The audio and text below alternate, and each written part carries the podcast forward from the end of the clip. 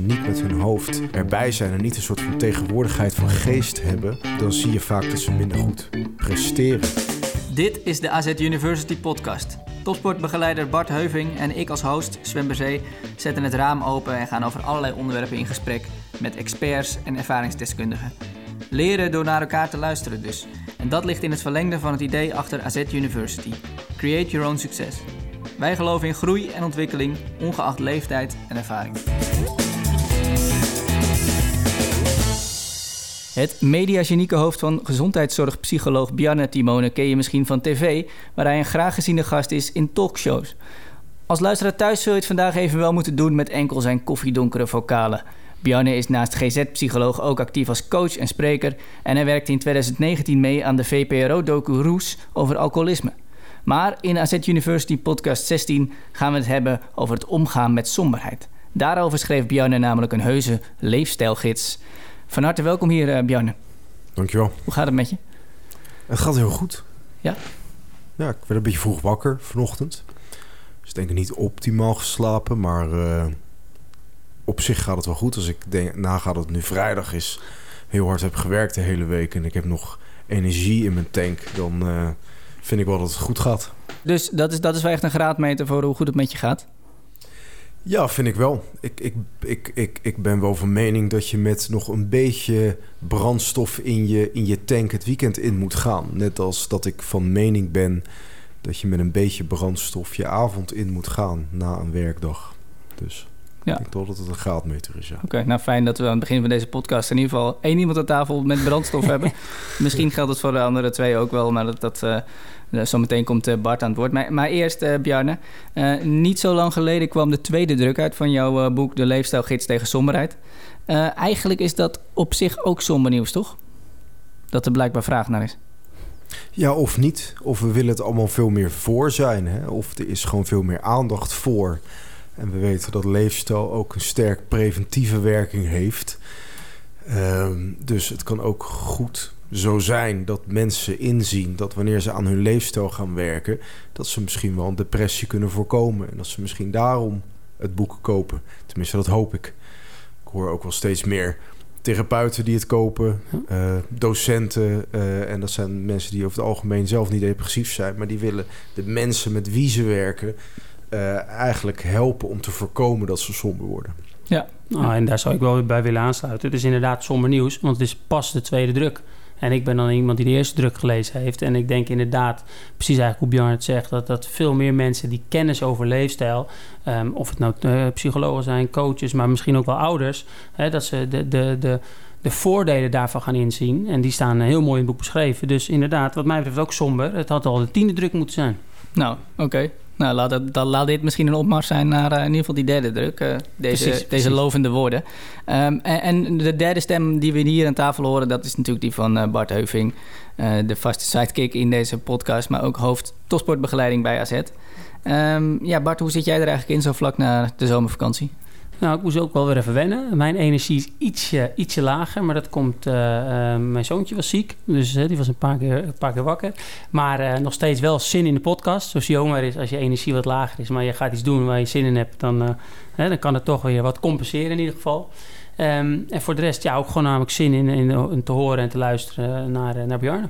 Ja, ja oké. En, en waarom hebben we Bjarne eigenlijk uitgenodigd hier? Dat is een iets langer verhaal, maar ik ga het niet proberen heel lang te vertellen. Maar ooit uh, zette ik op Instagram het quoteje neer van een koala die helemaal gestrest was in zijn omgeving. Maar dat hele omgeving was ook hè, weggehakt. En iemand zei, uh, ja, er is, uh, deze koala heeft een mental health syndroom. En ja, die, quote, of die cartoon kreeg ik van iemand. En, en tegelijkertijd uh, zei iemand al eerder... Bart, je moet het boek uh, Leefstijlgids tegen somberheid eens lezen... want daar wordt heel veel over leefstijl verteld. Hè, juist ook vanuit wat je in de leefstijl en omgeving kan doen. En zo is eigenlijk contact met Bjorn gekomen. Toen stuurde hij het boek op. Uh, heb ik het gelezen nou ja, in, een paar dagen. Want ik was echt... de kennis kende ik al. Maar hoe hij het opschreef en hoe hij het koppelde aan somberheid... dat was voor mij nieuw. En toen ook al gevraagd van... ja, zou je ooit in de, in de podcast willen? En, en nu, nu is het moment... Ja, nou mooi dat dat eindelijk nu uh, hier samenkomt. Um, ja, voor we echt van start gaan, uh, wil ik toch even een klein nieuw rubriekje. Uh, met jou, Bjarne. Um, we hebben je gevraagd een quote mee te nemen hier naar het Avas Trainingscomplex. eentje die bijvoorbeeld inspireert, maar kan ook gewoon vermakelijk zijn of om een andere reden jou raken. Ehm, dus met welk citaat ga jij hier eigenlijk eh, de toon zetten? Aandacht maakt alles mooier.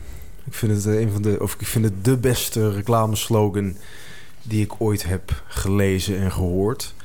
Ehm, het is natuurlijk van de bekende Zweedse uh, meubelgigant. Ehm, die sowieso erg goed zijn in hun marketing.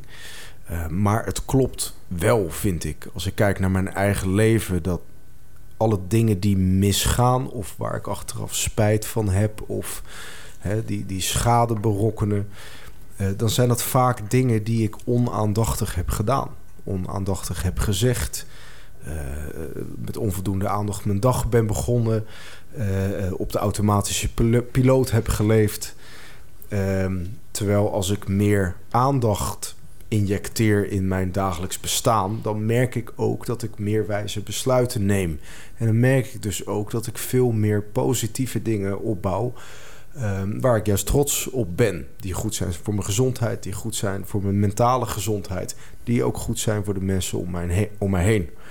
Dus ik geloof dat aandacht uh, essentieel is. En ook hè, dat geldt natuurlijk ook voor atleten. Als die niet met hun hoofd erbij zijn, dan zie je vaak dat het misgaat. Ondanks dat ze heel erg getalenteerd zijn hè, of, of heel erg goed zijn in wat ze doen. Als ze niet met hun hoofd erbij zijn en niet een soort van tegenwoordigheid van geest hebben, um, dan zie je vaak dat ze minder goed presteren. Volgens mij is het zelfs wel eens aangetoond dat wanneer een voetballer eh, op de, die op de middenstip staat, bij aanvang een halve seconde even stilstaat voordat hij aftrapt, is de kans veel groter dat hij in de 10 minuten daarna een, een doelpunt scoort. Omdat die aandacht, of die tegenwoordigheid van geest, of die aandacht voor het huidige moment zorgt er gewoon voor dat je veel meer overzicht hebt en bewuster kunt handelen. Ja, oké. Nou ja, dat, dat, in voetbal, ik ken de studie niet, maar die ga ik uiteraard uh, uh, een keer lezen, want uh, dat klinkt goed. Ik moet meteen denken op Jarna aan toch een van mijn favoriete sporten is Kobe Bryant. Hè, niet elke podcast gooi ik hem erin, maar hè, bij deze al lekker in het begin. We hebben één keer gemist, inderdaad. Nou ja, nou, dat is toch één keer te veel. Nee, die heeft een hele mooie quote over, over aandacht. Die zegt ook, het gaat er niet om hoeveel je traint, maar hoeveel je mind present is while you training. En daarmee ja, slaat hij eigenlijk, hè, of slaat hij de spijker op de kop. Dat vind ik sowieso, maar ik hoor ook echt dat in jouw woorden. Dus je kan wel iets heel veel doen, bijvoorbeeld lezen. Maar als je ondertussen, en ook op je telefoon zit, ook dit, ook dit. Hè, dat, dan, dan maakt het inderdaad veel minder mooi. Dus, dus ja, herkenbaar. Ook zeker bij sport. En, en misschien ergens te maken met, met jouw Scandinavische roots. Ja. Dat jij hier een, een Zweedse meubelmaker erin gooit. Volgens mij is er ooit een boekenkast die Bjarne heette. Dus, uh, ja, dus hij, is uit, uit de Mooi. hij is uit de handel genomen. Waarschijnlijk. waarschijnlijk ja. Nou, die rubriek, Bart's boekenkast, die, die komt straks. Oké. Okay. Mooi. Ja, en, voor de, voor deze, genoeg. Speciaal voor deze keer dan de Bjarne boekenkast. Maar uh, goed, uh, nu, dan gaan we nu echt los. want Bjarne is, om eerst eventjes het, de, de stemming te peilen rond het thema. Is somberheid eigenlijk nog taboe? anno 2022? Ja, nog te veel, vind ik. Uh, het, het, is minder een taboe. Hè? Je ziet dat steeds meer mensen, ook bekende mensen, uh, toch ervoor uitkomen dat ze last hebben van somberheid. Vaak onder het mom van een burn-out. Dat is net wat hipper, hè? want een burn-out houdt immers in dat je heel hard hebt gewerkt. Dus dan zit er ook weer een element van trots in. Vind ik toch een beetje verkapt. Ehm, maar heel langzamerhand zijn er ook mensen die ervoor uitkomen van... nee, ik was gewoon echt somber of ook gewoon het beestje bij de naam noemen... depressief. Ik heb echt, echt een periode, een depressie ervaren. En een depressie, daar zit natuurlijk weinig in waar je trots op kunt zijn. Hè? De, de, depressie heeft ook iets weg van, van, van opgeven. En ik denk dat dat ook eh, ten grondslag, ten grondslag ligt aan uh, het taboe wat er vaak op rust. Hè? Dus, dus dat je toch hebt opgegeven in het leven. Um, daarentegen is juist de acceptatie van het feit dat je een tijdje hebt opgegeven en het even niet zag zitten, is de basis om vervolgens het weer op te kunnen bouwen en weer nieuw perspectief te kunnen zien. En die acceptatie zie je vaker tegenwoordig? Uh, vaker, maar nog lang niet genoeg. Nee. Nog lang niet genoeg. Nee, want jij hebt inderdaad ook wel eens gezegd van uh, somberheid is, is gewoon iets heel normaals hoort bij het leven. Iedereen heeft wel eens een klote dag. Dat heb, dat heb ik jou wel eens in de podcast horen zeggen. Ja, 100%. En het ook af en toe even niet zien zitten en even bij de pakken neer willen zitten is ook heel normaal. Het enige verschil tussen dat en depressie is dat bij een depressie duurt het minstens twee weken. En dat is wel heel lang. Terwijl als je het maar een dag hebt, en zeker als je weet wat je moet doen tijdens die dag om daar vervolgens ook weer uit te komen, ja, dan is het geen depressie, dan is het gewoon het leven. En het is, is heel normaal. Sterker nog, mensen die zeggen dat ze dat nooit hebben, die geloof ik gewoon niet. Want het leven is gewoon een enorme uitdaging. We hebben ziekte, we hebben tegenslag, we hebben ontslag. Uh, um, we hebben ruzie, uh, we hebben partners, kinderen. Tegenslag hoort er gewoon bij. Dat, is, dat, dat, dat voorkom je gewoon niet. En als jij niet af en toe even hebt van... shit man, tering, wat is het leven toch zwaar... ja, dan hou je waarschijnlijk jezelf voor de gek. Broer, dat gaat zelfs zo ver... daar had ik het laatst over met, met, met Bram Bakker... die jullie misschien kennen. Dat weten wij, omdat we in de praktijk natuurlijk... heel veel mensen spreken... en die vertellen dan alles... Zelfs gedachte als morgenochtend hoef ik niet per se wakker te worden, is een heel normale gedachte. De meeste mensen hebben ooit één keer in hun leven die gedachte wel eens gehad. dus het is zelfs van belang dat we dat soort dingen ook een beetje gaan normaliseren, zodat we kunnen gaan kijken naar: oké, en hoe ga je daar vervolgens mee om? Ja. Nou, dan meteen uh, het woord normaliseren. Daar moest ik ook aan denken. En gelukkig zei het ook al. Dat zie je in sport ook heel erg. Dat, dat, dat het voor jongens, hè, dan gewoon dat ze het normaal gaan vinden om een keer te zeggen dat ze last hebben van spanning voor een wedstrijd. Dat ze of misschien hè, dat somberder zijn of dat ze uh, het even niet meer weten. Hè, wat misschien niet per se meteen depressie is, maar gewoon even hè, wat, wat, wat meer in een twijfelstand zitten. En juist dat normaliseren, dat ze dat ook met elkaar of met een staflid of met anderen bespreken, dat ze ook gaan ervaren: hé, hey, ik ben niet de enige. Nou, dat is niet de oplossing, maar het is wel een onderdeel van de oplossing. Dus uh, daarom is het mooi dat het inderdaad in ieder geval minder een taboe aan het worden is. Maar we zijn er nog niet in de sport zag ik ook vroeger veel dat sporters het pas na hun carrière gingen zeggen. Ik had toen en toen problematiek. En de laatste tijd zie je ook steeds vaker dat sporters ook al tijdens hun carrière er gewoon eerlijk over zijn. Dus, dus we gaan wel de goede kant op, heb ik het idee. Alsof het in het verleden misschien uh, gevreesd werd dat het gevolgen zou hebben voor je carrière. Door, door erover ja. uh, naar buiten te treden. Ja. Ja. En, en uh, we hebben het nu over depressie en somberheid. Dat zijn twee dingen. maar jouw jouw boek richt zich vooral op somberheidsklachten, toch? Ja, beide. Dus je kan het een beetje zien als een spectrum. Somberheid is eigenlijk een klote dag die net wat te lang duurt, vind ik. Depressie is somberheid die minstens twee weken duurt. Ja. Dus om dat hele spectrum ja. te, te, te, te kunnen omvatten, heb ik het somberheid genoemd. Ook een beetje marketingtechnisch. Ook omdat die schaamte nog heerst. En mensen pakken toch minder snel een boek op waar depressie op staat. En dat ze dat dan naar, naar de kassa toe brengen. Dan, dan, dan schamen ze zich wat sneller. Dus en somberheid is wat meer geaccepteerd. Hè? Ik ben een beetje somber vandaag. Dus vandaar dat we het somberheid hebben genoemd. Maar de wetenschappelijke literatuur die, die erin wordt genoemd... die focust zich echt op depressie. Omdat somberheid is geen, geen wetenschappelijke term. Ja. Maar we weten wel dat de depressie kent verschillende vormen van ernst. Hè. Je kan licht depressief zijn, licht tot matig. Nou, dat zou je somber kunnen, kunnen noemen. Uh, en dan heb je dus matig en dan heb je ook nog ernstige depressie. En dan heb je ook nog zelfs therapieresistente ernstige depressie. Dat zijn mensen die allemaal therapieën hebben uh, gehad en die alsnog depressief zijn. Nou, dat is de allerergste vorm van depressie die je kunt hebben daar focust, focust dit boek zich niet zozeer op, want dat is een hele andere tak van sport. Alhoewel ik daar ook wel wat aandacht aan besteed, omdat ook leefstijl daar een rol hmm. kan spelen uiteindelijk in, in, in, in toch beter worden, maar naast therapie. Ja, ja. oké. En je hebt het al over die wetenschappelijke onderbouwing eh, in jouw boek. Ehm, want jij hebt gesteld eerder dat, dat er was eigenlijk geen boek over somberheid met een wetenschappelijke onderbouwing als basis. En Klopt het dat dat voor jou de reden was om de leefstijlgids tegen somberheid te, te schrijven? Ja, dus eigenlijk zag ik twee dingen. Twee verschillende soorten boeken en media. Ik zag enerzijds zag ik allerlei coaches die een, een, een opleiding van drie maanden hadden gedaan... en allerlei dingen gingen beweren over depressie die gewoon echt niet klopten. Zelfs gevaarlijk konden zijn. Hè? Ik bedoel, Wat is bijvoorbeeld een gevaarlijke opmerking? Nou, of een gevaarlijke opmerking of een gevaarlijk middel. Wat bijvoorbeeld Giel Belen op een gegeven moment een een of ander uh, middeltje op de markt brengt. Wat gewoon gevaarlijk blijkt te zijn. Dus, dus enerzijds wilde ik dat bestrijden. Hè?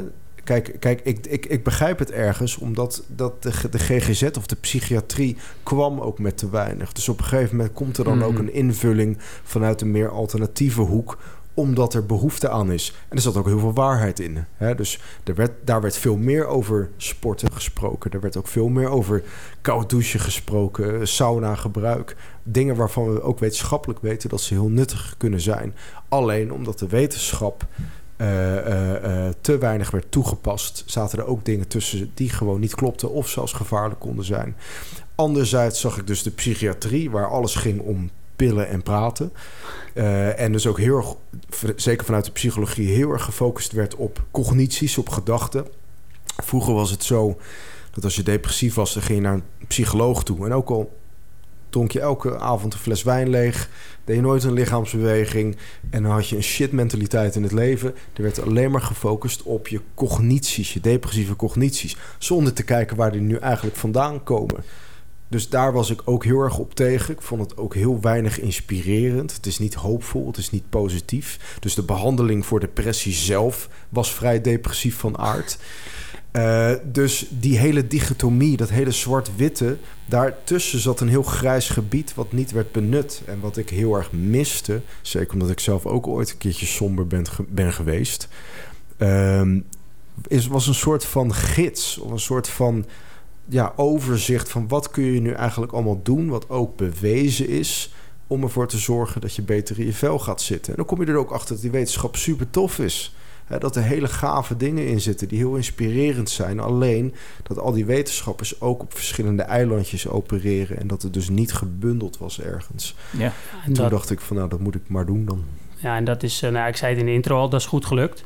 En waarom? Ik, ik lees maar weinig boeken die inderdaad zo holistisch van aard zijn. Dus dat is het eerste wat ik echt mooi vond. Maar ook holistisch met de wetenschappelijke onderbouwing. Want je leest ook wel eens holistische boeken, maar dat ik denk, hmm, zit hier die wetenschappelijke onderbouwing bij? En soms inderdaad is die er niet, maar is het niet zo erg. En soms kan het inderdaad goed misgaan.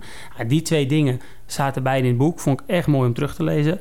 En ook wat jij net heel mooi zegt, de, dat de behandeling zelf soms depressief is, maar ook heel eenzijdig. En dat herkende ik heel erg bij losse specialisten. Je wordt los opgeleid tot diëtist. Nou, wat wordt de behandeling? Voeding. Jij wordt opgeleid tot slaapcoach. Wat wordt de behandeling? Eh, Slaap. Jij bent psycholoog. Wat wordt de behandeling? Eh, eh, cognitieve gedragstherapie of een andere. Maar in ieder geval toch wel wat meer over het denken. Maar juist als je die, die, die gaat combineren... en iemand bijvoorbeeld iets beter gaat slapen... waardoor hij iets optimistischer is... gaat hij misschien ook wel beter eten. En, en die dwarsverbanden, die kruisbestuivingen daartussen... Ja, die lees je gewoon heel mooi in het boek. Je leest ze allemaal, je leest ze onderbouwd... maar je leest ook hoe ze invloed op elkaar hebben. Ehm, ja, dus dat maakt het voor mij echt eh een van de redenen om hier ook uit te nodigen. Want ja, Sven, voor jou is het bekend... maar we proberen altijd te kijken de wetenschap en de praktijk te koppelen. Want wetenschap is leuk, maar als het niet naar de praktijk gaat, ja, wat heb je er dan aan, aan die kennis? En anderzijds, als het in de praktijk fantastisch is, maar er is nul wetenschappelijke basis, ja, voelt de wetenschapper in mij ook wel zoiets van, ja, wacht even, klopt het wel? Of eh, zijn we hier eh, iets aan het doen wat misschien eh, ook schadelijk kan zijn, of wat misschien helemaal niet werkt, maar gewoon door überhaupt aandacht, wat we ook wel weten, dat heel veel dingen werken überhaupt door aandacht, ja, je wil je tijd wel het beste besteden. Hoe verwacht je dat jouw boek mensen in de praktijk eigenlijk kan helpen? Is dat helemaal, eh, helemaal lezen? Is dat juist een, een psycholoog, wat je net al zei, of andere? Daar ben ik wel benieuwd naar. Ik hoop op verschillende manieren. Dus ik hoop dat mensen die zelf last hebben van somberheid of dat voor willen zijn, dat zij veel hebben aan het boek. En nogmaals, omdat elk mens wel eens somber is, Ja. denk ik dat, hoop ik dat elk mens er ook baat bij kan hebben bij die kennis. Ehm, maar ik hoop ook vooral dat professionals en dan met name psychologen het meer gaan lezen en het ook meer gaan integreren in hun behandeling. Ik vind het eigenlijk echt niet kunnen dat wanneer je iemand behandelt die depressief is, dat je geen aandacht besteedt aan leefstijl, omdat je de helft laat liggen. Je laat letterlijk de helft liggen. Als je ongezond leeft, dan eh, is je risico op angst en depressie is 50% hoger. Ja, je hebt dus ook een hoop boeken op de markt die weinig wetenschappelijke basis hebben. Maar hoe kun je nou, als je in de winkel staat en je ziet tien van die boeken liggen, hoe scheid je dan het kaf van het koren en pak je precies het juiste boek dat wel die wetenschappelijke basis heeft?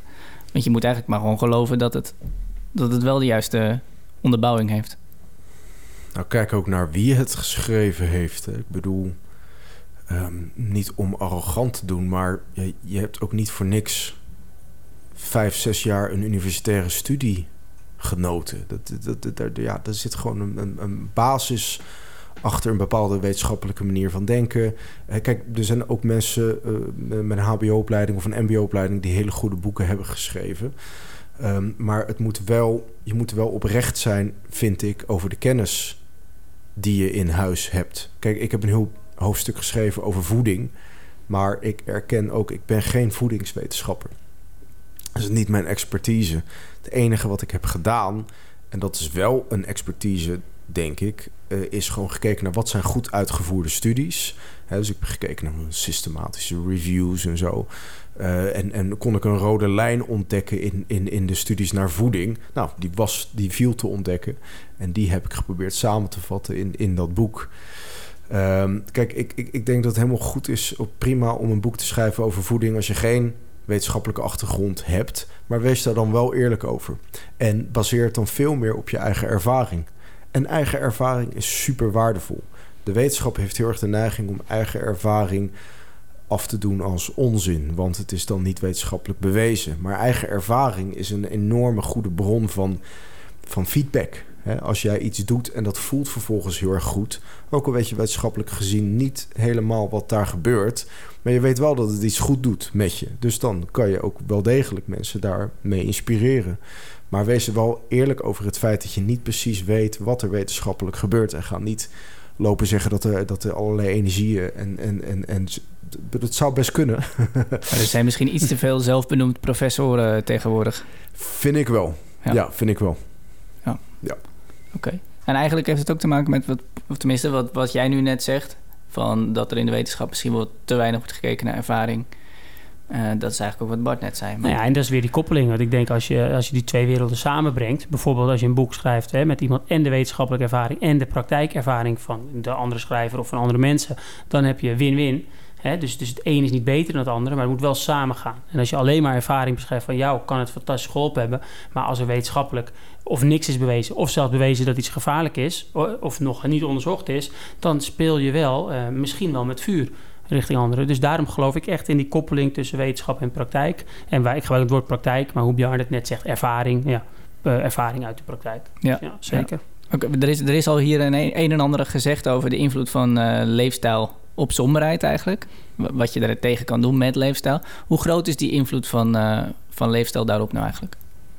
Ja, wat ik net zei, hè, dat, kan- dat kan tot 50% zijn. Tot 50% ja. En, en, en voor, zeker voor lichtere vormen van, van, van somberheid of angst... kan dat zelfs 100% zijn in sommige gevallen. Hè? Dus, dus vandaar dat het ook zo belangrijk is... dat we bij de voordeur het woord leefstijl al laten vallen. Hè? Mhm. Dus tegenwoordig als jij niet lekker in je vel zit... en je gaat naar de huisarts... dan word je vaak eerst doorverwezen naar de praktijkondersteuner. Nou, die zit meestal in de kamer ernaast... Dus een afspraak is zo gemaakt. Vaak kun je daar de week erop al terecht, bij wijze van spreken. Daar moet al het, het onderwerp leefstijl worden aangekaart. Oké, ik ga uiteindelijk een verwijzing naar de GGZ regelen. Maar eerst gaan Ja. we eens even een maandje minder chips eten, meer wandelen, wat beter slapen. En we gaan vier gesprekken voeren. En dan gaan we over een maandje gaan we evalueren hoe u ervoor staat. Ik weet zeker dat als we dat meer gestructureerd gaan doen, dat heel veel mensen binnen die maand zullen opknappen.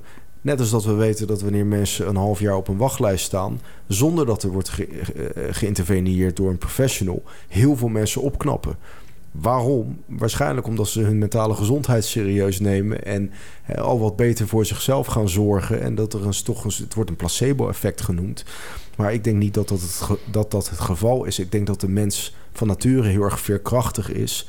En dat we die veerkracht veel vroeger in dat hele proces moeten stimuleren door middel van le- eh, leefstijl. Nou, Ja. dit, dit- wat je nu zegt, Bjarne, dat gaat bij mij ook mijn hele systeem zeg maar even aan.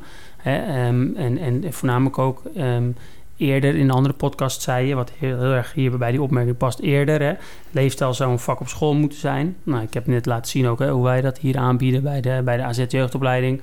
En dat is hier dan wel geen school, maar wel ook een opleiding. Maar ja, dat is iets waarvan ik ook steeds vaker denk, het is dus bewezen. Nou, je zegt zelfs tot 50% is somberheid. Nou, het is ook bewezen qua eh, of het nou lichaamsgewicht is of het mentale, eh, eh, hoe zeg je dat, voor, voor positieve gevoelens. Al die koppelingen zijn er.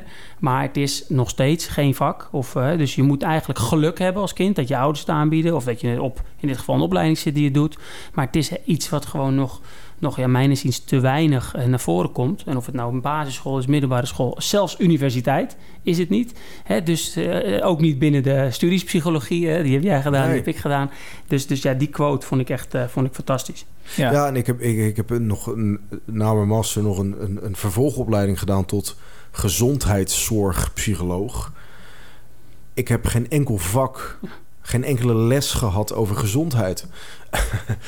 dus, dus dat is nog, eigenlijk is dat nogal Ja. misleidend, die, die, die term. En zonde. Mhm. Ja, Zeker weten. En, en jij had het net over aan de voordeur. En dat- daar doelde je volgens mij meer op bij de, dat je gelijk bij de huisarts al de juiste kant op wordt gestuurd. Maar als we het dan hebben over kinderen die gelijk in aanmerking komen met een juiste leefstijlbenadering, bedoel je dan ook gelijk basisschool? Ja, dus ik bedoel ook die voordeur. Hè? Gewoon echt de basisschool. Eh, eh, eh, dat je daar al krijgt aangeleerd. Nou, ik, ik, ik weet niet hoe het met jullie zat, maar vroeger toen ik op de basisschool zat, toen, toen kon je nog kiezen wat je, wat je dronk in de pauze. Eh, mijn moeder stond erop dat ik melk dronk, maar de meeste van mijn klasgenoten die zaten aan de chocomel elke dag. De Jokie. Ook lekker. Dus volgens mij is dat inmiddels wel iets verbeterd. Maar daar begint het. We weten ook dat wanneer kinderen te veel suiker eten in hun jeugd, dat dat patroon zich voortzet later in het leven. Dus dat ze ook later een enorme, vaak een enorme zoete kou zijn. En dat dat ook heel erg lastig is om uit je systeem te krijgen. Ja, precies. Dus die invloed op jonge leeftijd is misschien nog wel groter dan, op, eh, dan dat je, wat je er later nog aan kan doen. Ja, alles wat je op jonge leeftijd doet, eh, die invloed is groter wanneer je het later doet. Nou, dat is, dat is een mooie koppeling, Sven. En dan gooi ik hem er even in eh, naar Bart's boekenkast. Want lezen is ook echt iets hè, wat je... eh, al, het begint al met voorlezen of met hè, dat je zelf leest en kinderen dat zien. Als het voor kinderen normaal is dat je leest... en dat, dat kan heel veel zijn, dat kan wat minder... maar gewoon dat het gebeurt... dan is er ook bewezen, wetenschappelijk, dat, dat, eh, dat je dat blijft doen. Want het is gewoon normaal. En je vindt het ook misschien leuk, want het, is- hè, is een bepaalde nieuwsgierigheid. En je vindt het niet stom omdat het moet. Je moet van school dat boek lezen. Nee, er wordt thuis voorgelezen, een leuk verhaal. Je gaat naar de biep, je mag kiezen. Dus, dus hè, ook dat is weer iets hè, wat misschien ook wel onderdeel van leefstijl is, hè, en lezen. Ehm, een mooie koppeling. Ja, heel mooi bruggetje naar de rubriek die we net aan het begin al eventjes eh, kort noemden. Misschien vandaag dan eh Bjarne's eh, boekenkast. Dat mag. maar de rubriek heet in ieder geval Bart's boekenkast. Bart's boekenkast. Ja, wat dat betreft is het woord aan jou, uh, Bjarne. Welk boek heb jij meegenomen? Ik heb, ben dus vergeten om hem mee te nemen, maar ik ga wel Ai. vertellen welke, welke het is. Ja, vertel er vooral over, ja. ja.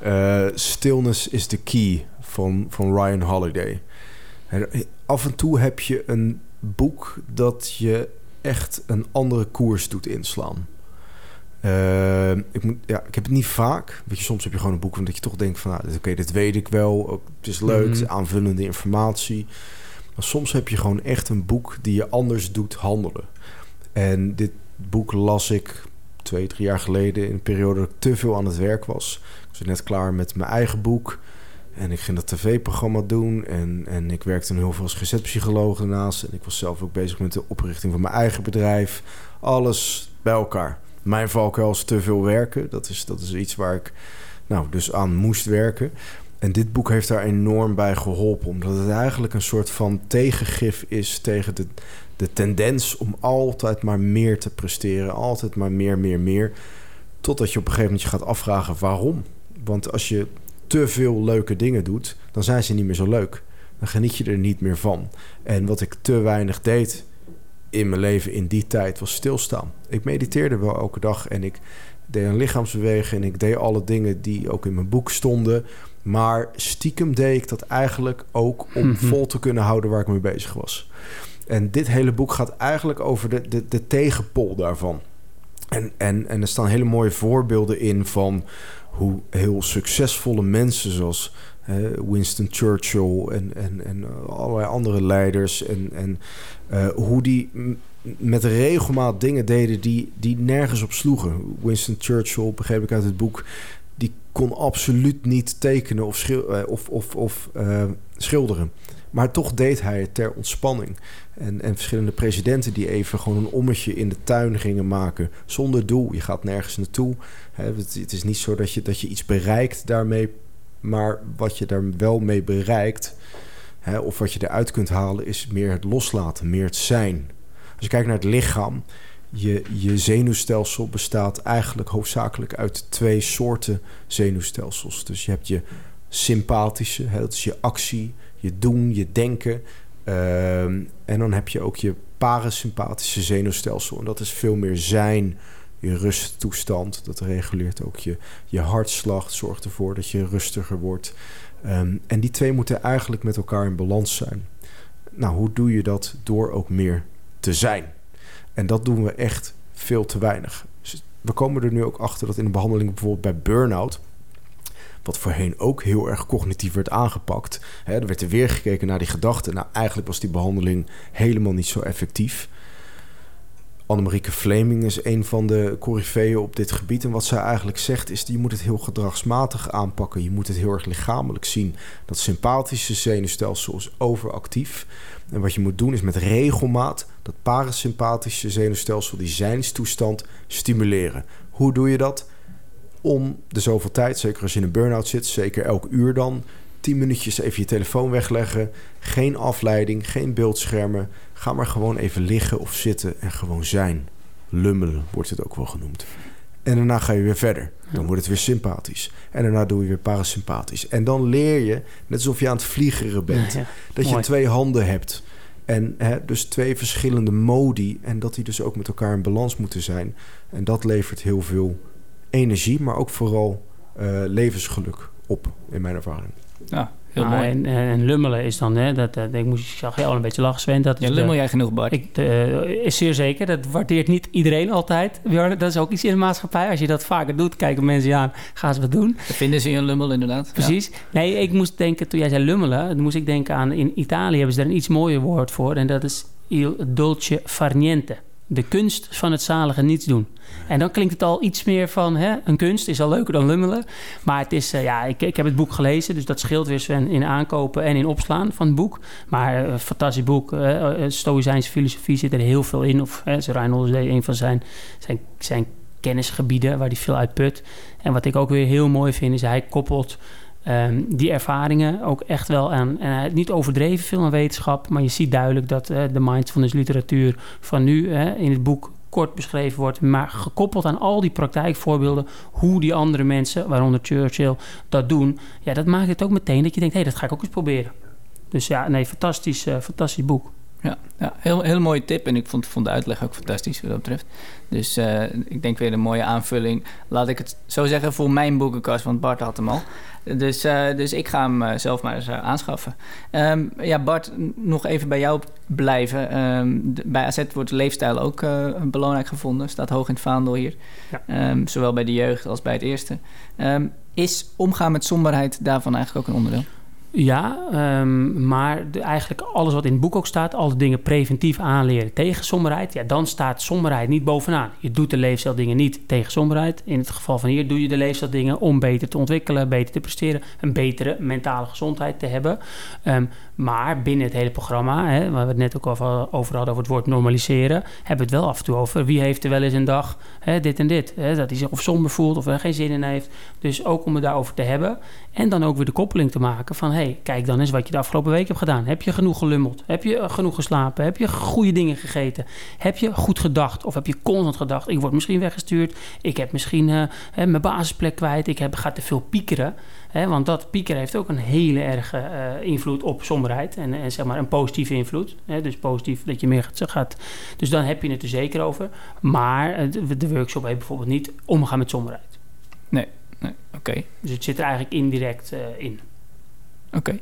Bjarne, wat zijn nou eigenlijk de beste tools tegen somberheid? Ik, ik denk dat het verschilt per mens. Alleen denk ik wel dat er een bepaalde basis is die nodig is voor, voor ieder mens. Dat is ten eerste slaap. Slaap Ja. is, is, is heilig. Slaap is, is het grootste medicijn. Ehm, als ik naar mezelf kijk, ik kan alles toepassen. Ook wat in mijn eigen boek staat. Maar als ik slecht slaap, dan ben ik geen mens. Dan, dan, dan letterlijk Wat ben je dan? nou, dan- dan ben ik een ander mens, laat ik het zo zeggen. Want letterlijk blijkt het zo te zijn dat je genetische expressie verschilt wanneer je slecht slaapt. In de zin van dat er, dat, dat, dat er een, een meer schadelijke vorm van genetische expressie is. eh, wanneer je slecht slaapt. Hè, op, op gebied van ontsteking en je immuunsysteem. En nou, wat, je, wat we allemaal weten, ook je humeur. Dat je gewoon slechter uh, gestemd bent.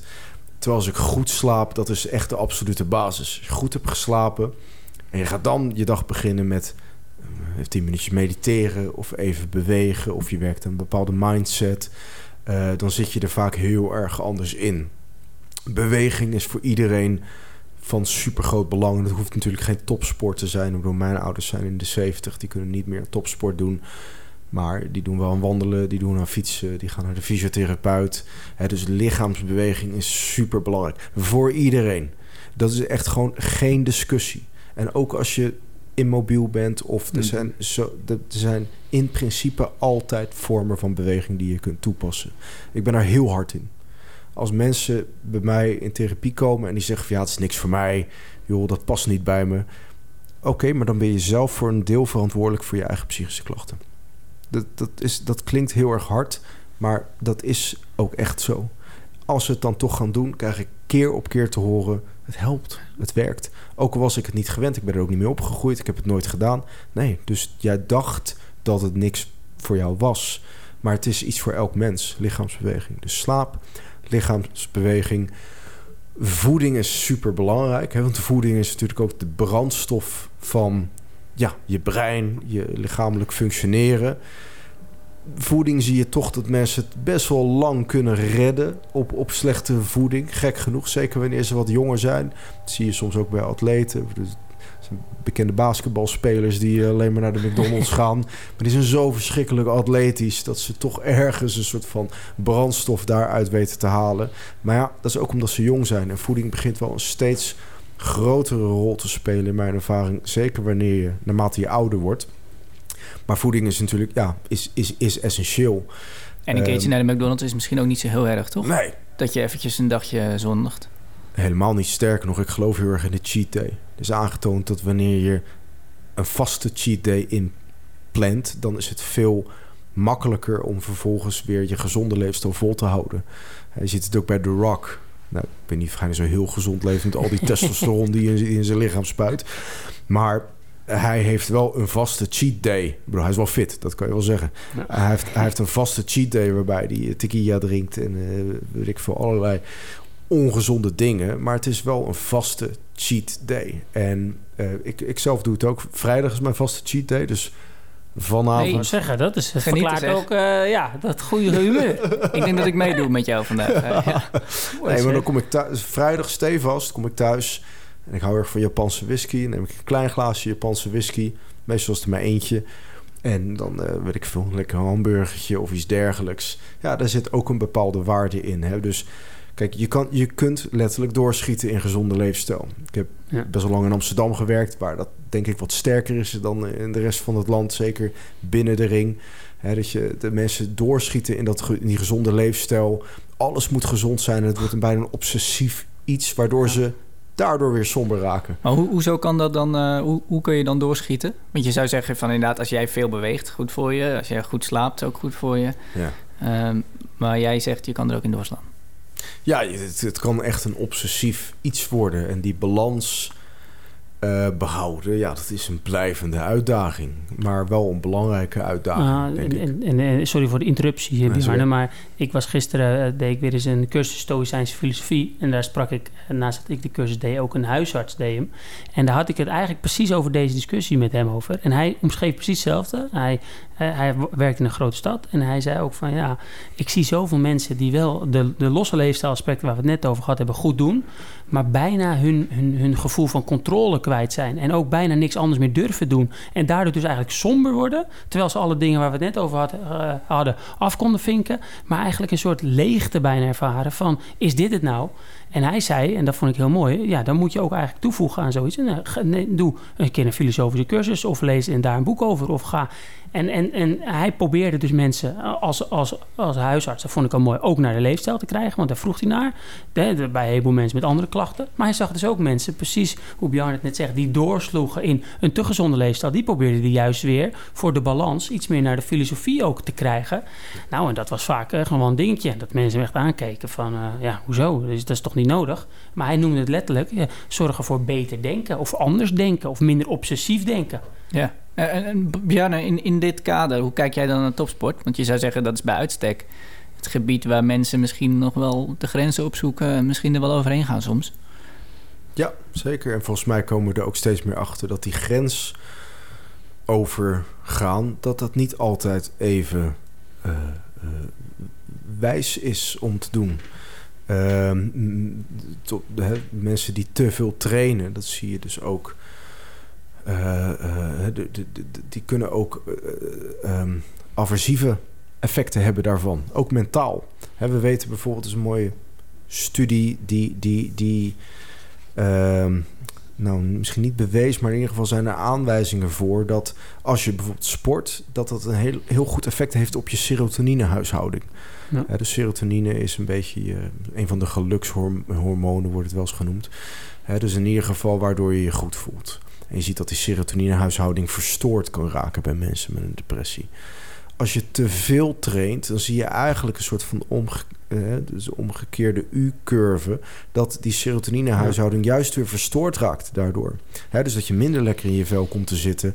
En dat heeft natuurlijk ook weer effect op je spel. Dus ik denk dat de, de uitdaging als atleet is om precies, en dat is natuurlijk super moeilijk, precies de, de, de, de top van die curve te vinden en daar ergens te blijven. Bal balanceren op een uh, dun koord, inderdaad. Ja, ja, ja. En, en, en nou ja, ik weet toevallig in de vechtwereld en MMA-wereld zijn er ook steeds meer vechters die ervoor kiezen om niet zichzelf compleet uit te putten, niet elke dag te sparren, maar steeds meer ook die rust te pakken. Stillness is de key. En dat ook veel meer een onderdeel te laten zijn van hun, van hun leven, maar ook van hun professie. Nou, en, en, en, ik moest meteen denken, toen jij die omgekeerde U besprak, Björn, dus dat eigenlijk als je te veel sport, serotine daalt. Stel nou dat je de hele dag zo hard hebt getraind en je bent helemaal kapot. Je hebt zo hard getraind dat je niet meer gezond gaat koken. Want je bent zo kapot en je gaat slecht eten. Nou, slecht eten, wat precies is, weten andere mensen beter dan ik. Maar jullie weten ook wat voorbeelden, ook jullie luisteraars. Dat heeft ook weer een negatieve invloed op je serotonine. Dat geeft misschien even een bepaald eten een piekje, maar daarna weer een dal. Dus zo kan je bijna in een soort visueuze cirkel komen van eigenlijk te hard trainen, vervolgens niet goed eten. Nou, als je niet goed eet, heeft dat weer invloed op je biologisch systeem. Dat je misschien later naar bed gaat, want je lichaam denkt, ja, ik heb slecht gegeten, bijvoorbeeld wat meer suikers. Ik wil nog niet naar bed. Weer in het, uh... Ik ga nog even tv kijken, want dan word ik wel moe. Dat licht zorgt weer dat je andere hormoon, hè, melatonine, niet goed aangemaakt wordt. Je gaat pas drie uur naar bed. Of in ieder geval, je slaapt pas om drie uur. Je moet toch vroeg op, want je moet trainen. Je bent kapot. Je traint slecht. Daar ga je over piekeren. Wat train ik slecht? Wat doet dat met mijn carrière? Je gaat zoveel piekeren dat je denkt... ik moet vandaag in de gym nog harder trainen. Je verhoort hem al eventjes. En dan psycho-educatie. Nou, een woord wat ik jou ook vaker heb horen zeggen, Björn, in de podcast en in je, in je boek. Dit soort dingen uitleggen, dit soort dingen bespreken. Het is niet meteen opgelost, maar dat een sporter, hè, Mark Tuitert heeft, is ook veel met stoïcijnse filosofie overigens bezig. Hè, heb ik ook met hem wel eens over gehad. Dit heeft letterlijk dit cirkeltje, hoe ik het net omschreef, uiteraard niet precies deze, maar ongeveer voor hem gezorgd dat hij op een gegeven moment overtraind was. En ja, dan is het wel heel fijn dat je ook dus als topsporter, ja, je moet je grens opzoeken, maar ook je, je leert, leert van je ervaringen. Ja. Ik ben het er volledig mee eens. Ik denk ook dat model wat ik net omschreef, hè, wat, wat, wat nu in, in, bij burn-out wordt toegepast. Ik denk ook dat dat voor atleten heel goed ja. zal werken. Dus trainen, rust nemen, trainen, rust nemen. En niet uren achter elkaar trainen en dan crashen. Ja. Uh, dat is denk ik een, een, een, een fout. Ook gezien hoe het zenuwstelsel werkt en hoe het brein werkt. Denk ik dat je dat anders kan insteken door veel vaker rust te nemen. Maar dan ook af te spreken. Niet op de telefoon kijken. Nee, ja. We gaan daadwerkelijk rust nemen. We gaan even zijn. Zodat je ook als atleet veel beter weet hoe je dat zenuwstelsel kunt besturen. Dat is het eigenlijk. Je lichaam is eigenlijk ook een, een vehikel dat je moet leren uh, besturen en niet moet uitputten. Bjarne, ve veel mensen die hebben misschien, of veel weet ik niet, maar misschien hebben sommige mensen zoiets van somberheid zit in mijn hoofd. Dus die los ik ook daarop. Uh, kan dat niet voor sommige mensen ook gewoon volstaan? Ja, wel. Dat denk ik wel. Alleen denk ik ook dat ze zich dan of al redelijk gezond gedragen, hè, dus dat ze een redelijk gezond leven, dan zie je dat dat cognitieve stuk net het laatste zetje kan geven. Dus dan kan dat zeker wel volstaan. Kijk, dat cognitieve stuk is ook gewoon een stukje leefstijl. Mhm. Alleen, het is alsof je alleen maar hebt gefocust op voeding al die jaren in de behandeling voor depressie. En, wat, en we hebben al die jaren alleen maar gefocust op cognities. Maar als dat het ontbrekende puzzelstukje is, ja zeker, dan, dan kan dat absoluut volstaan. Ja, ja, ja dat. En, en wat je ook weer ziet, bijvoorbeeld als jij gooit die podcast erin, dus ik schiet in mijn gedachten dan ook weer naar Floris. Wat zie je vaak met slaapproblematiek? Dat mensen pas slaapproblematiek geholpen worden als ze echt slaapapneu hebben of andere problematiek. En dan komen er apparaten bij, andere. Maar het grootste deel van de mensen die slaapapneu hebben, hebben heel veel overgewicht. Dus dan zou je juist zeggen, uh, uh, ga zorgen daarvoor al dat beweging, dat sport, dat dat ingezet wordt. En niet een enorm apparaat. Als het eigenlijk al, ja, te laat klinkt dan heel gek, alsof het, hè, maar dan, dan wordt het heel mechanisch opgelost. Maar, maar veel eerder daar ook, dat je naar de dwarsverbanden gaat kijken en holistisch. Ja, ja. En maar goed, dus even jij noemt nu het slaapapneu-apparaat. Um, maar mensen grijpen misschien ook al snel naar medicijnen. Of, of, of al dan niet op, uh, waarschijnlijk zelfs op voorspraak van een dokter. Um, maar ik kan me zo voorstellen dat jij dat niet een goede oplossing vindt, uh. Soms wel. Ik bedoel, ik ben niet tegen medicijnen. Ik heb antidepressiva levens zien redden. Echt. Um, hetzelfde geldt voor antipsychotica. En, en, en, en bedoel, dat is natuurlijk een beetje meer mijn kant zijn de Mhm. psychofarmaca. Um, dus, dus, dus medicatie is in, in, in sommige gevallen, of in veel gevallen misschien zelfs, ook echt nodig. Alleen er moet worden gekeken inderdaad naar het holistische plaatje. Als je last hebt van slaapapneu, is het volgens mij inmiddels ook gewoon protocol dat je eerst gaat afvallen. En dat je daarna pas gaat kijken, is er inderdaad nog sprake van slaapapneu. Kijk, slaapapneu kan enorm de kwaliteit van je leven beïnvloeden. He, dat, dat, dat, dat, dat, mensen kunnen somber raken van Ja, slaapapneu. Ehm, maar toch, je wil, ja, je wil liever op een gezonde manier ervan afkomen. Ook omdat overgewicht natuurlijk een risico vormt voor allerlei andere kwalen. Waaronder depressie en angst.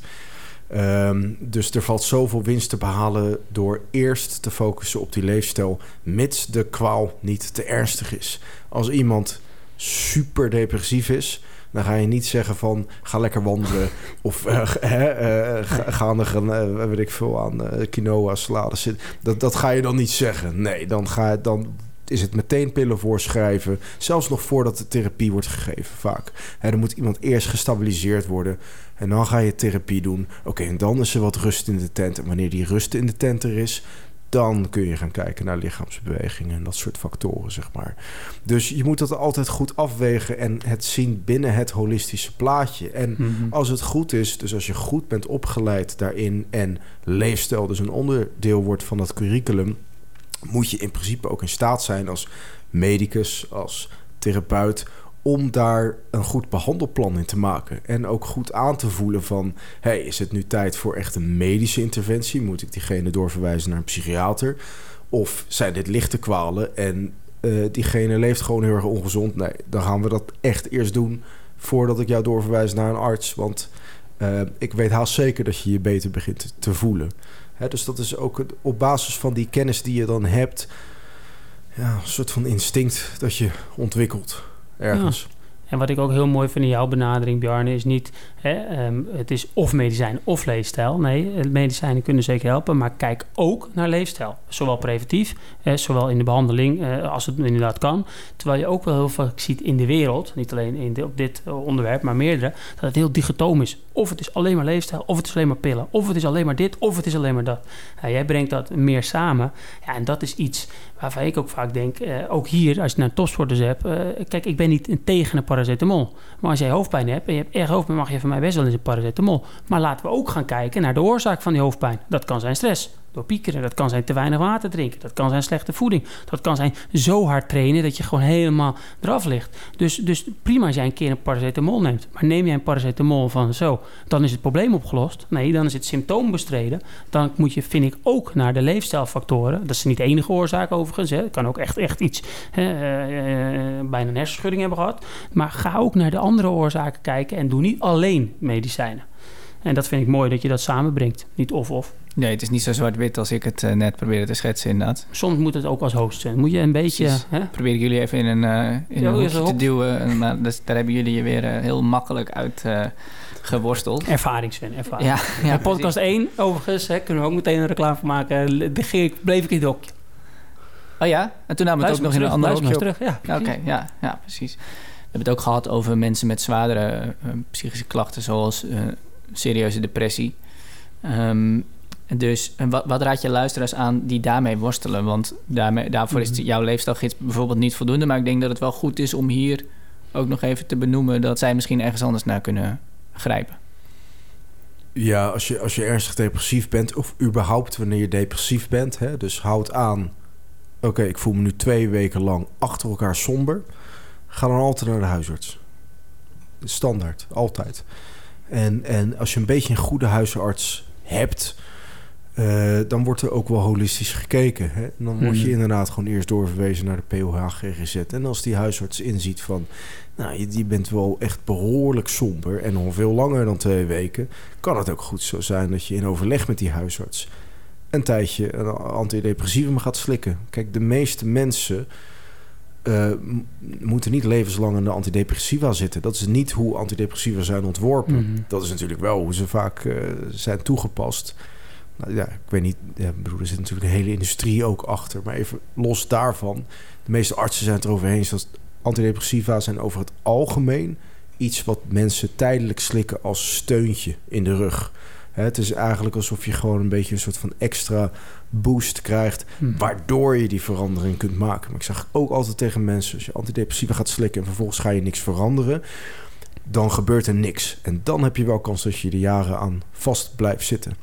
Inmiddels weet, hè, t- lang heeft de, de, het serotonine-model gego- ge- ge- eh, dacht men dat, dat eh, het, eh, de, de effectiviteit was van een antidepressivum dat de serotonine-levels omhoog gingen. Nou, dat is veel te simplistisch. Inmiddels is ook bewezen dat dat niet eh, de, de, de, de, de kern is van de effectiviteit ervan. Maar er zijn er aanwijzingen voor dat het veel meer heeft te maken met het aanmaken van nieuwe verbindingen in je brein. En het antidepressiva daarbij helpen. Maar we weten ook dat als je niet iets nieuws doet, maak je helemaal geen nieuwe verbindingen in je brein. Dus is die brandstof er wel om nieuwe verbindingen aan te maken en nieuwe dingen te leren. Maar als jij dan niet vervolgens ook daadwerkelijk nieuwe dingen gaat leren, gebeurt er niks. Eh, dus dat moet altijd gepaard gaan, vind ik, met therapie. Of praten, of dingen Ja, leren. ja. Nou, daar, eh, dus een, een, een podcastgast die op de rol staat, Sven, hij heeft nog niet toegezegd, maar we zijn druk bezig, is Erik Scherder. En die heeft hier hele interessante ook dingen over gezegd, meer dan wel met ouderen. Daar hebben we nu niet precies over, maar die zegt ook, je kan wel bepaalde dingen aanbieden, of het dan medicatie is of andere, maar je moet ook echt een verrijkte omgeving creëren, want dat doet zoveel met het brein. Het is een beetje hetzelfde, eh, hoe net mooi de Bjarne wordt uitgelegd. En, en dan vind ik het weer mooi, dan... dan denk je ook van ja, het is dus niet of of of. Maar als je al die dingen samen doet, ja, dan ga je wat mij betreft echt impact maken. Maar Erik, mocht je dit horen, dus eh, hierbij, hè, het is, eh, Ik ga ervan uit dat Erik al luistert naar ons. dat, ga ik ook Ja, vanuit. ja. Maar kijk, Slatan was eerst ons, hè, die wilde graag hebben, Björn. Maar tot heden heeft Slatan, Slatan eh, nog niet, eh, niet gereageerd. nog niet gehapt. Raar van hem, maar... eh, Ik, ja. ik, ik kan Zweeds, dus ik kan hem wel een Oh. keertje bellen. Hey, Mooi. kijk, eindelijk een ingangetje richting, eh richting Eh, Slatan. in dit geval eh, Erik Scherder. Eh, we- ja, ja, we hebben je graag, maar dat toch na Slatan. Ja, als ik dan moet kiezen, Sven. Als we dan toch hebben over een brede groep mensen die naar onze podcast luisteren. Dat zijn misschien, misschien luisteren er inderdaad ook wel mensen die met somberheid eh, kampen. eh, Of, nog, of erger dan dat. Maar misschien ook wel mensen die super blij zijn, constant. Eh, heb je dan ook iets aan jouw tips uit de, de leefstijlgids? Als je Ja. gewoon een blij, constant blij bent. constant blij bent. Ja. Ja, een blij ei. Misschien een beetje vervelend om zo iemand tegen te komen op straat. Ja. ja, doe normaal zou ik zeggen. Maar nee, ehm, ja, ik bedoel, poef, ja, dan is het denk ik gewoon, dat, misschien ga je je nog blijer voelen. Ja, ik weet niet of ik blijdschap, ik vind, ik vind het levensgeluk of tevredenheid, vind ik toch ook iets anders dan blijdschap. Ik zie blijdschap wel als een voorbijgaand iets. Terwijl die, die rust die ook in het boek van Ryan Mhm. Holiday wordt besproken, Ja. is zoveel rijker dan alleen blijdschap. Daarin kan ook verdriet voorkomen, daarin kunnen Ja. zorgen zelfs voorkomen. Maar er zit een bepaalde ruimte of een bepaalde rust. Die vind, die, die vind ik zelf veel belangrijker dan, dan blijdschap. Dus wellicht voor zo'n persoon kan leefstijl, of misschien meer de filosofische kant van leefstijl, kan helpen om ook wat meer te accepteren dat het leven af en toe moeilijk is of uh, zwaar is. En dat je ook vanuit de filosofie van leefstijl kan leren hoe je daar mee om kunt gaan. Als je sport doet, zeker als je een sport doet die wat ongemakkelijk is. Uh, ik doe zelf een Braziliaans jiu-jitsu en met regelmaat lig ik in een, in, een, in een rear naked choke. Dat is heel erg ongemakkelijk. Dat is echt kloten. Alleen als je dat dus ervaart, de rest van je dag gaat meevallen. je gaat de rest van de dag niet meer zoiets ongemakkelijks meemaken als een rear naked choke. Dus dat is meer de filosofische kant van leefstijl. Maak het jezelf af en toe ook moeilijk. Ik geloof daar heel erg in. Nou ja, dus vind ik een heel mooi dat je dat erin gooit. Wat ik moest aandenken, Sven, als je constant blij bent. Die mensen heb ik ook wel eens gezien. Wat gebeurt er vaak als je constant blij bent? Dat ze op een ander moment breken. Want niemand kan bijna constant blij zijn. Het is misschien ook meer uiterlijk vertoon Ja, precies. Dan kan het echt wel iets zijn dat je van binnen diep triest bent. Maar dat je denkt, ik moet vrolijk zijn. Om wat voor reden dan ook. En de koppeling die Bjarne naar Stoïcijnse filosofie weer maakt. Ja, vind ik fantastisch. Los van het boek Obstakel is de weg, waar dat over gaat. Heb ik gisteren best wel een lange discussie met een andere cursist weer gehad. Bij uh, de de Stoïcijns cursus, over uh, een hele vette quote van Hercules. Hercules was nooit Hercules geworden als hij niet al die uh, vijanden tegen was gekomen, al die monsters, al die anderen. had niemand nu over Hercules gesproken. Maar hij heeft al die tegenslagen en al die moeilijke momenten nodig gehad. Nou, kind nu, misschien denk ik mensen die het horen. Wat is het voor gek voorbeeld? Maar er zit wel echt iets in als je daar langer over gaat praten. of het nou gaat over Braziliaans jiu-jitsu... of een keer dat jij het helemaal niet naar je zin hebt gehad... in je werk of in iets anders... of je leefstijl niet goed was... je hebt soms dat nodig om uiteindelijk weer... misschien het boek van Björn erbij te pakken. Terwijl als je inderdaad eh, gewoon lekker gaat... en je denkt, ja, leefstijl is echt somberheid. Ik weet het niet. Maar al ben je één keer... waardoor je daar allemaal dingen leert... en je dan niet alleen minder somber bent... maar je echt door al die leefstijldingen goed gaat voelen... en goed voelen is niet constant blij... maar inderdaad ook het accepteren van alles wat erbij komt ja, dan heb je volgens mij iets moois. Ja. Als het goed, te goed gaat met je leven, ga dan het ongemak opzoeken, zou ik zeggen. Ik denk dat dat ook een nou, hele, hele mooie praktische tip is. wij vragen onze gast aan het einde van de podcast altijd... Ja, want helaas komen we al bij het einde aan. Uh, vragen we nog om een praktische tip. Er zijn er zoveel voorbij gekomen en nu gooi je er nog weer eventjes eentje in. Dus ja, tenzij er nog iets is wat je, wat je mee wil geven aan de luisteraar natuurlijk. Dat mag natuurlijk ook nog. Of je moet zeggen van koop mijn boek, maar uh, dat... Uh, dat doen wij. Dat zeggen wij nog, Sven. Ja. Dus. dat mag hem nee, niet zijn. Ja, kijk, dit staat niet zozeer in mijn boek, maar het is echt iets waar ik in geloof. Het, het, we leven natuurlijk wel nu in een maatschappij waar enerzijds gevoeligheden nu heel erg kunnen worden aangekaart. Dat is positief, denk ik. Aan de andere kant willen we ook al het ongemak willen we zoveel mogelijk verwijderen uit ons leven. En dat is denk ik misschien ook zelfs ergens prima. Maar dan moet je heel bewust ongemak een rol laten spelen in je leven. Wil je een beetje veerkrachtig blijven? Ja. ja, vind ik een hele mooie praktische tip. En eentje die we nog niet hebben gehad. Dat is ook fijn voor ons, hè, voor, ons overzicht. En toch ook weer, ja Sven, en dan stop ik met de stoïcijnen, want dan wordt het bijna een poos daarover. Er zijn dus stoïcijnen die één keer in de maand uh, niet in hun bed gingen slapen, maar naast hun bed. En dan denken mensen heel vaak dat voorbeeld van, in godsnaam zou je dat doen? Nou, al die andere keren als je in je bed ligt, denk je, oh, dit ligt lekker. En dat zijn, is een van hun gewoontes. Dat gewoon, uh, ja, dat, dat ze deden. Met, met waardoor ze zich uiteindelijk vaker dus hè, uh, beter voelden en minder somber. Want ze dachten, oh ja, die, maar ze moesten het wel blijven doen. Nou, er zijn nu tienduizenden mensen momenteel in Biddinghuizen die slapen ook onder hachelijke omstandigheden in hun uh, tentje bijvoorbeeld. En ik heb zelf ook een paar festivals bezocht deze zomer. Oh, die, ja, mooi. En dan ben je ook blij als je vervolgens weer op maandag in je eigen bed slaapt. Dus, ja. uh, mijn vriendin, ja, mijn vriendin is er nu toevallig, dus ik hoop dat ze maandag heel blij thuis komt. Uh. Mooi, mooi. Sven, mooi dat jij de link legt nog even naar Lowlands. Ja, ik vind dat... Toch even de actualiteit erin. Nee, maar ik vind het, ik hou ervan overigens kan je ook heel blij zijn op Lowlands door bepaalde substanties. mag, dat is een andere podcast. kan ook wel een interessante podcast worden trouwens. Omdat als je het dan hebt over medicijnen... Zijn er ook wel, is ook wel een heel, hele nieuwe groep van medicijnen. Hè, waaronder sommige middelen die nu waarschijnlijk op Lowlands worden gebruikt. Hè, of worden misbruikt, laat ik het zo zeggen. Maar als we die goed gaan toepassen in de toekomst... dan heb ik het over psychedelica, dan heb ik het zelfs over MDMA bij, bij trauma kunnen we daar heel veel nog mee bereiken. Dus als we daar nog een keertje over ja. kunnen praten, dan kom ik graag langs. Nou, mooi. Bij deze. Mooi bij deze. Dan zou je ook de eerste zijn die, die een tweede keer langskomt in deze podcast. alles moet dus, een eerste keer zijn. Precies. Ja, dat is ook weer een unicum dan. Ja, bedankt voor, jou, uh, voor jouw verhaal, uh, Bjarne. Was ontzettend inspirerend en zeker voor mij heel, heel leerzaam. Um, hoop interessante teksten gehoord, quotes, boeken. Et. En volgens mij was dit ook een behoorlijk geslaagde poging van uh, ons drieën, als ik zo vrij mag zijn, uh, om een podcast tegen somberheid te maken. Uh, dit was het voor vandaag. Bart en ik zijn er over een paar weken weer met aflevering 17. Graag tot dan.